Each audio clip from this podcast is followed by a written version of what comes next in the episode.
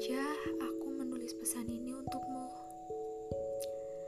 Karena pada faktanya aku hilang nyali untuk bertatap muka langsung denganmu. Lucu aja. Segala hal masih saja tentangmu.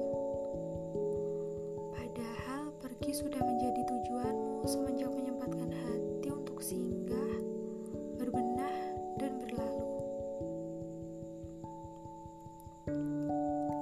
Aku sempat berandai-andai tentang kesempatan kedua.